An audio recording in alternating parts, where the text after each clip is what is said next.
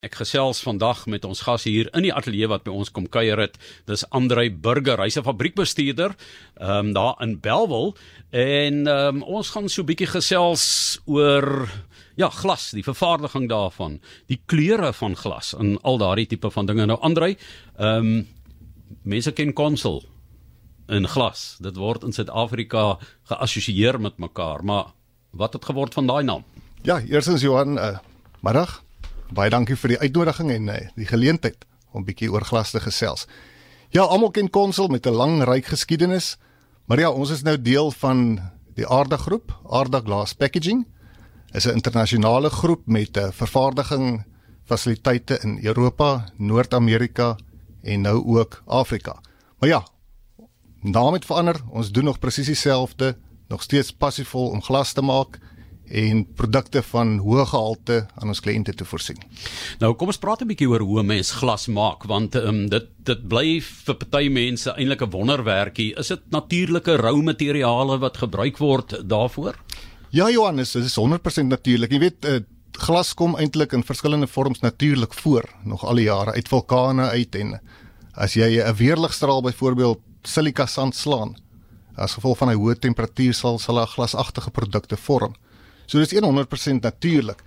En ja, wat die eerste keer waar glas vervaardig is deur die mens, dink iemand weet presies waar en wanneer maar dit is duisende jare gelede, 4 5000 jaar. So om 'n basiese glas te maak, het jy silika sand nodig, 'n soda as en kalk. En dan natuurlik het jy genoeg hitte-energie nodig. Uh, Tipies ons oonde loop so rond 1500 grade. En ja, as jy daai materiale het en die hitte dan het jy 'n basiese glas en die kleur sal so groenerig wees.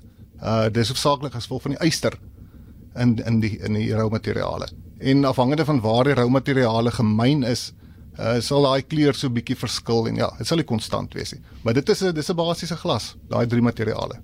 Nou, mens kry gekleurde glas. So, ehm um, as jy miskien vir ons kan vertel, wel voor ons daarby uitkom net hoe word dit gemaak? Jy het nou gesê dis die verskillende komponente en dan word dit nou gevuur. Ja. Maar ek bedoel dit moet ook in vorms kom en jy weet verskillende uh tipe van huishoudelike gebruike ook daar. Ja, ja, Johan, ek dink dis een van die groot voordele van glas. Dit is amper oneindig die hoeveelheid uh, verskillende vorms wat hou dit in kan sit. En ja, ons het eystervorms waarin waarin die bottel gevorm word. Maar eerstens word die die rou materiaal gemeng volgens 'n spesifieke resep en verhouding. Uh die hoofbestanddeel is die silika sand. Uh dan dan smelt ons dit uh, teen 1500 grade in die oond en uit die oond vloei dit uh, in 'n geslote kanaal en daar word die temperatuur baie fyn beheer. Uh dis belangrik in hierdie stadium van die proses dat ons 'n homogene glas kry ten opsigte van temperatuur en komposisie vir die vormingsproses. Anderster is is, dit baie moeilik. Is dit soos 'n lava stroom wat dit nou daar Dit is letterlik soos 'n lava stroom wat daar loop. Dit lyk soos 'n lava, 'n dik stroop. Die die temperatuur daar flip en warm. Vorming is so so 1100 grade.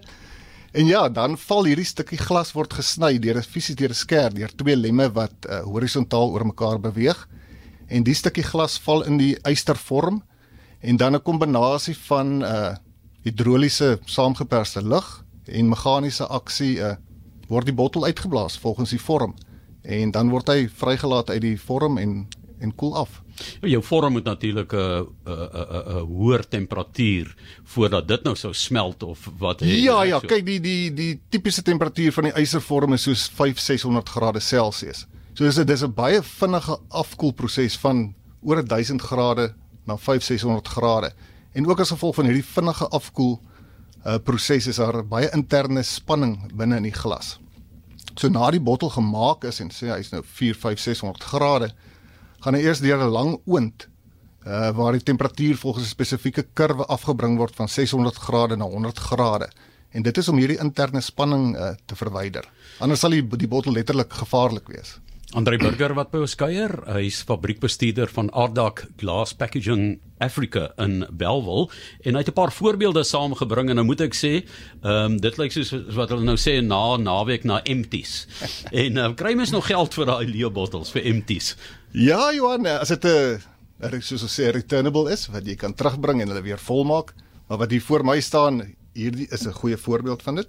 Dit lyk nou dit lyk nou 'n bierbottel. Ja, dit is 'n 57 ml uh ja, inruilbare bierbottel. Ek dink as ons kyk na die verskillende kleure glas, uh soos ons sê ons het die basiese mengsel nou om by die helder deurskynende glas te kom, gooi ons selenium en kobaltsulfaat by.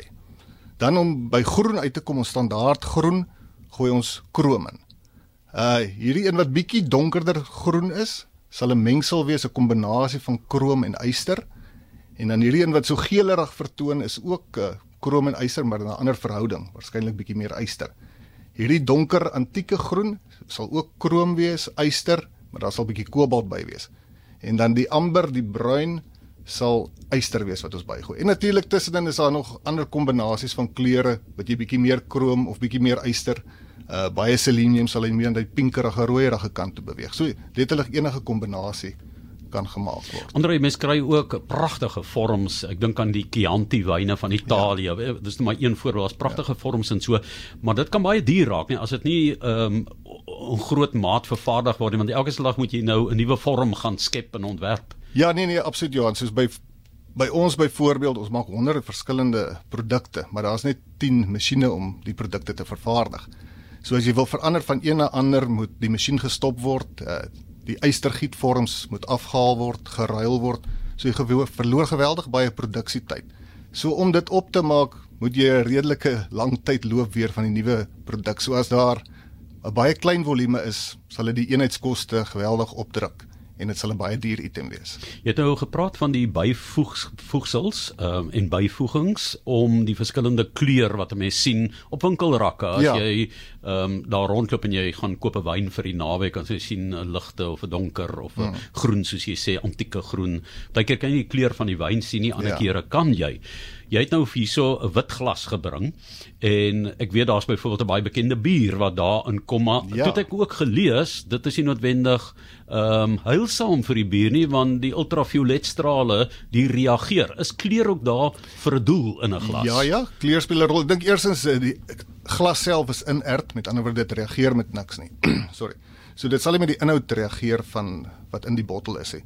Maar hierdie donkergroen bottel het baie meer beskerming UV protection. Wynveroudering byvoorbeeld, ja, baie voordelig. Ja, daarin sit as 'n helder glas. Ja, so donkerder hoe beter is daai beskerming. Ja, yes, en ehm um, in Suid-Afrika ehm um, is daar 'n goeie omset van hierdie bottels wat gebeur want hulle sê dit is omgewingsvriendelik. Nou ek sou nou sê as ek sommer net kyk na glas, dit lyk my so half asof dit net kan breek en daar lê die hmm. skerwe nou en so en is eintlik aan almal se pad, hmm. maar dit word allerweë beskou as omgewingsvriendelik. Hoekom?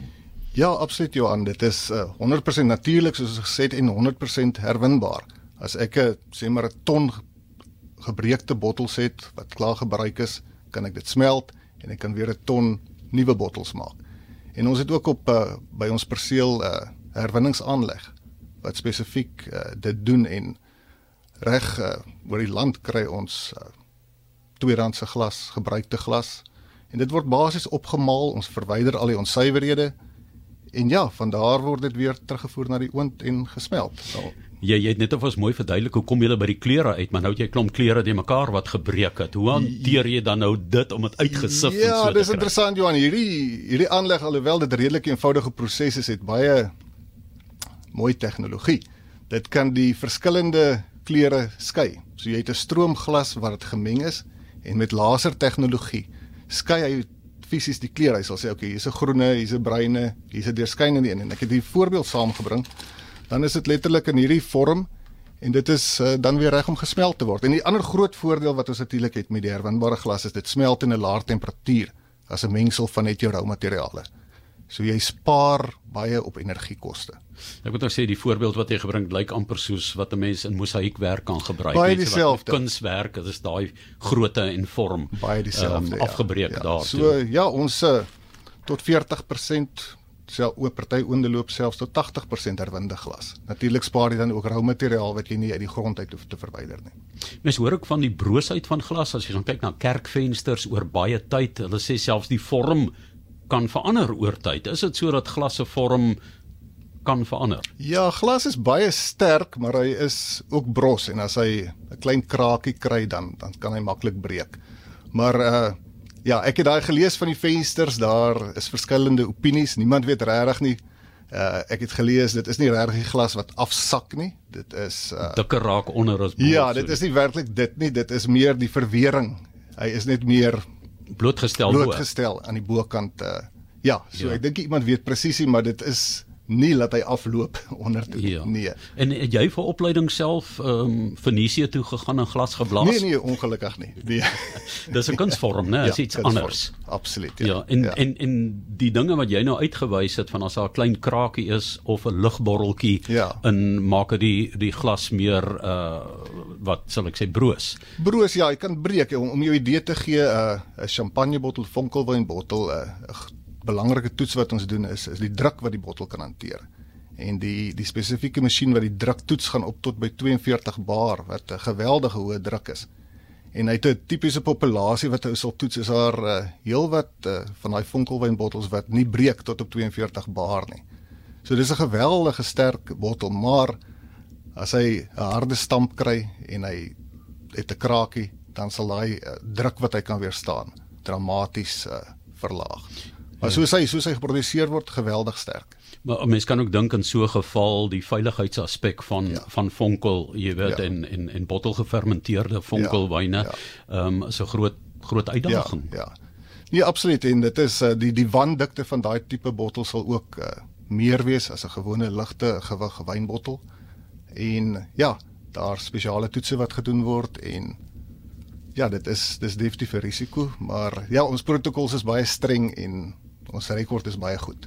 Nou die vorms van wynbottels is ook nogal interessant want party mense sal dink ag dit is die ek moet sê die modegier van die wynmaker. Hy gaan kies nou ek hou van so tipe of so 'n uh, wyn, maar ek verstaan dat die cultivars te invloed en dat die mense byvoorbeeld in Frankryk baie ernstig is oor die vorm van die bottel, die fatsoen van die bottel en wat daar inkom.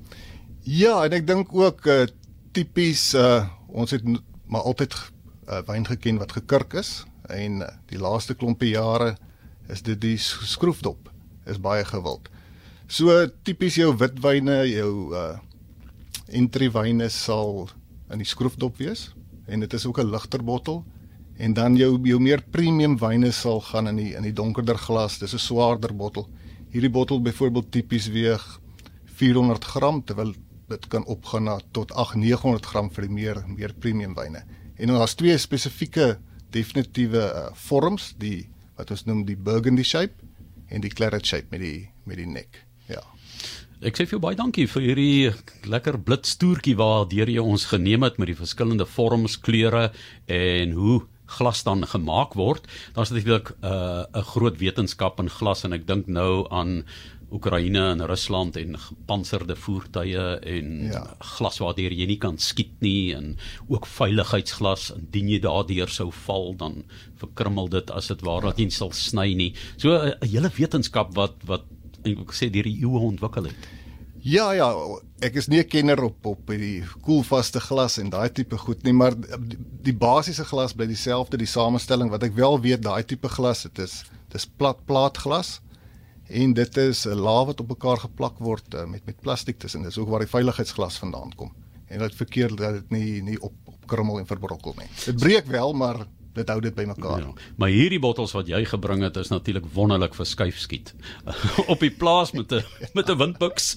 Dit bly 'n wonderlike ding as jy nou hoor hoe jy die glas tref daarin so maar dit moet daarom nou ou bottels wees wat nie uh, jy weet wat nou uh, nie gebruik meer kan word ehm um, byvoorbeeld die skroefprop word baie keer herbruik.